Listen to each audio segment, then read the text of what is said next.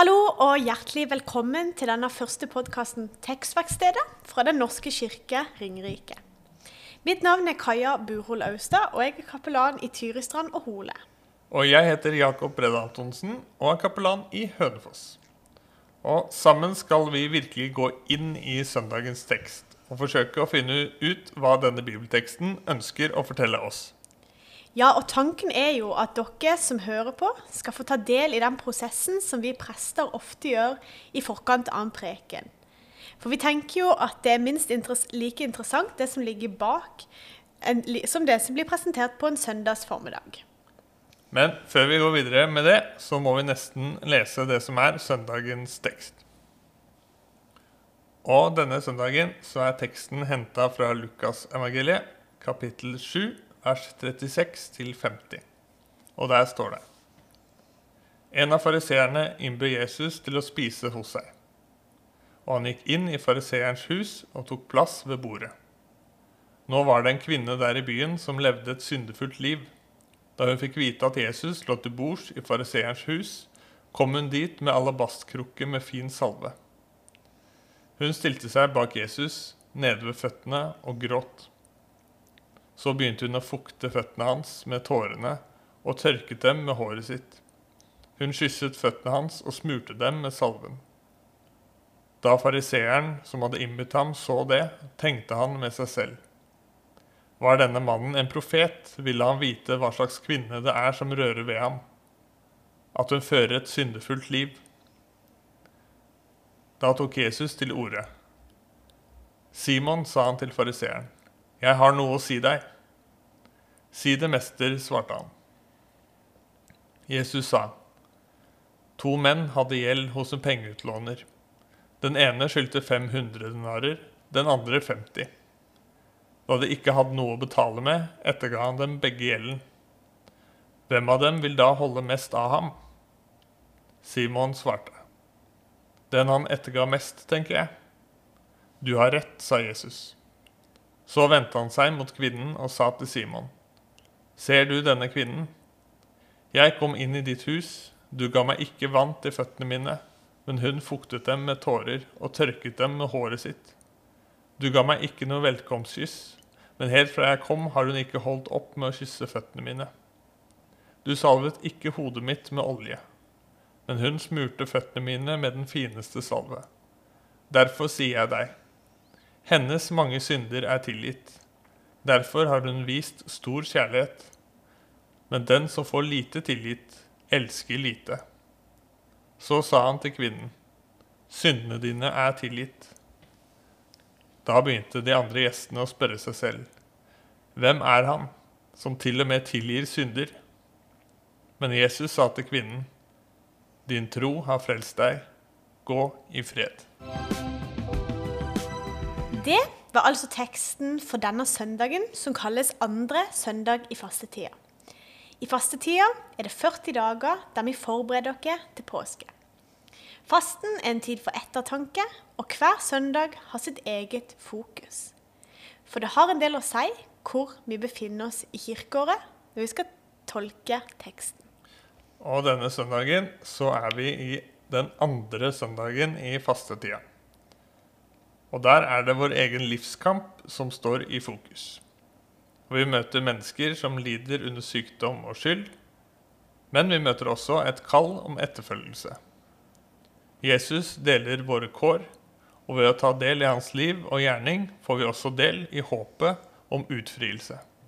Men før vi går videre, så er det jo greit å si litt om hvor vi er. Vi er i Lukasevangeliet et av de fire evangeliene som er i Det nye testamentet. Og Tradisjonelt sett så er det skrevet av, eller tenkt skrevet av legen Lukas, men etter hvert som den nyere bibelforskninga har skredet fram, så har man blitt litt mer usikker. Men det som vi vet, er at dette evangeliet er skrevet av en lærd person som kjente til Det gamle testamentet og til Skriftene, og at det er skrevet for lesere som ikke tilhørte en jødisk kontekst. Og en viktig ting som kjennetegner Lukas evangeliet, er et særlig fokus på evangeliet for de fattige. Og noe annet som også gjør det spesielt, er at dette er en fortelling som fortsetter. Man tenker seg at apostlenes gjerninger er, også er skrevet av samme forfatter. Og Forfatteren bak Lukas har som mål å vise oss hvor pålitelig, historisk og interessant fortellingen om Jesus er. Og Denne historien befinner seg ganske tidlig i evangeliet. Lukasevangeliet begynner med å fortelle om Jesus sin fødsel og oppvekst, før han forbereder seg på sitt virke, og etter hvert begynner i sitt virke. I denne teksten er vi midt inne i Jesu virke. Kun få kapitler etter dette så begynner Jesus på sin vei mot Jerusalem. Og Når vi sier at Jesus begynner på sin vei mot Jerusalem, så tenker vi at Jesus begynner på veien mot sin egen død og oppstandelse. Men der vi er nå, så har Jesus møtt mange mennesker, helbredet de, og også vekket opp en sønn fra de døde. Og nå skal han altså på middagsbesøk til denne fariseeren Simon. Men tilbake til fortellingen vår. Hva skjer her? Jesus han er fortsatt i den samme byen som han vekket opp den døde sønnen til kvinnen i Nain. Så han er da i byen Nain. Og han er da invitert til fariseeren Simon. Og vi vet ikke så mye om Simon. Men det vi vet om fariseere, var at de kort fortalt var veldig opptatt av å følge loven. Og det at Jesus blir invitert til en sånn mann, vil si at Jesus på mange måter blir anerkjent som en religiøs mann. Og med det så viser Simon Jesus stor tillit. Det er på en måte en ære å bli invitert. Men så kommer det en kvinne. Og denne kvinnen hun kommer inn i rommet, hun salver Jesu føtter og setter seg ved føttene hans og gråter. Og etter hvert så tørker hun føttene hans med håret sitt. Og Vi vet ikke så mye om hvem hun er heller, men hun beskrives som en kvinne i byen som levde et syndefullt liv. Og dette kan tyde på at hun var prostituert. Dette gjør situasjonen hennes ganske vanskelig, for av samfunnet rundt seg så ble hun sannsynligvis sett på som en hore eller noen som var litt løsaktig, og dermed også en uren person i religiøs kontekst. Og det som hun gjør, det blir sett på som ganske seksuelt lada når hun kommer inn og stiller seg bak Jesus og gråter og tørker føttene hans med håret sitt. Og dette får jo fariseeren Simon til å bli ganske skeptisk og tenke om Jesus virkelig var en profet, så ville han jo visst hva slags kvinne dette her var. Og på den måten så kunne han ha ivaretatt sin egen renhet med å hindre henne i å gjøre det. Men isteden viser Jesus seg som profet ved at han ser hva Simon tenker. Og For å vise denne fariseeren at han ikke skal dømme andre, så forteller Jesus en lignelse. Han forteller da om to menn som hadde gjeld hos en pengeutlåner. Den ene skyldte lite, mens den andre skyldte mye. Og siden de ikke kunne betale, så ble de begge ettergitt den gjelda. Det er da Jesus spør Simon, hvem av disse blir mest glad? Han som fikk ettergitt lite, eller han som blir ettergitt mye? Og Da svarer Simon at det må være den som etterga mest. Og Jesus bekrefter da at det er riktig svar. Men så tar hele historien en ny vending. For Jesus han vender fokuset vekk fra Simon og trekker isteden fram kvinnen som en representant for det rette vertskapet. Og dette er egentlig ganske radikalt, for det å være godt vertskap på den tida var utrolig viktig. Og han forteller at hun, kvinnen altså, har vist han så stor kjærlighet gjennom det hun gjorde. Og det, at hun kunne gjøre det, det kan hun gjøre fordi at hun har fått tilgitt mye. Og derfor er hun i stand til å vise så stor kjærlighet. Videre så forteller han at den som har blitt tilgitt lite, også elsker lite. Og han avslutter med å si til kvinnen din tro har frelst deg, før han sier det som vi sier i slutten av hver eneste gudstjeneste. Gå i fred. Da har vi gått gjennom litt nøyere hva som skjer i denne fortellingen. Men så tenkte vi også å legge fram noen knagger som kan hjelpe oss enda mer på å forstå hva det er som egentlig skjer her. Og hva det også kan ha å si for oss. Og Den første knaggen som vi skal henge teksten på, det er kjønn. Og Dette er en av mange fortellinger i Bibelen som handler om de snille mennene og de slemme kvinnene. Begge deler i anførselstegn. Og det er ganske fort gjort for oss å også slenge oss med på den lesningen. Enten når vi leser teksten, eller når vi preker over den. Teksten handler om kvinner som synder mye. Og så klart så er det en liten del av sannheten. Men det er viktig for oss som lesere å huske at dette foregår i et samfunn hvor mulighetene for kvinner var enormt begrensa. Prostitusjon var en av de få mulighetene en kvinne hadde for å livnære seg på egen hånd, uten en mann. Og denne kvinnen er ikke bare syndig, men også ekstremt modig. Hun våger å oppsøke Jesus i en situasjon hvor hun ikke er velkommen, og våger å tro at hun fortjener tilgivelse og er verdig Guds oppmerksomhet. Uansett hva andre måtte mene. Det er det som Jesus fokuserer på. Ikke hennes synd, men hennes mot og evne til å vise kjærlighet.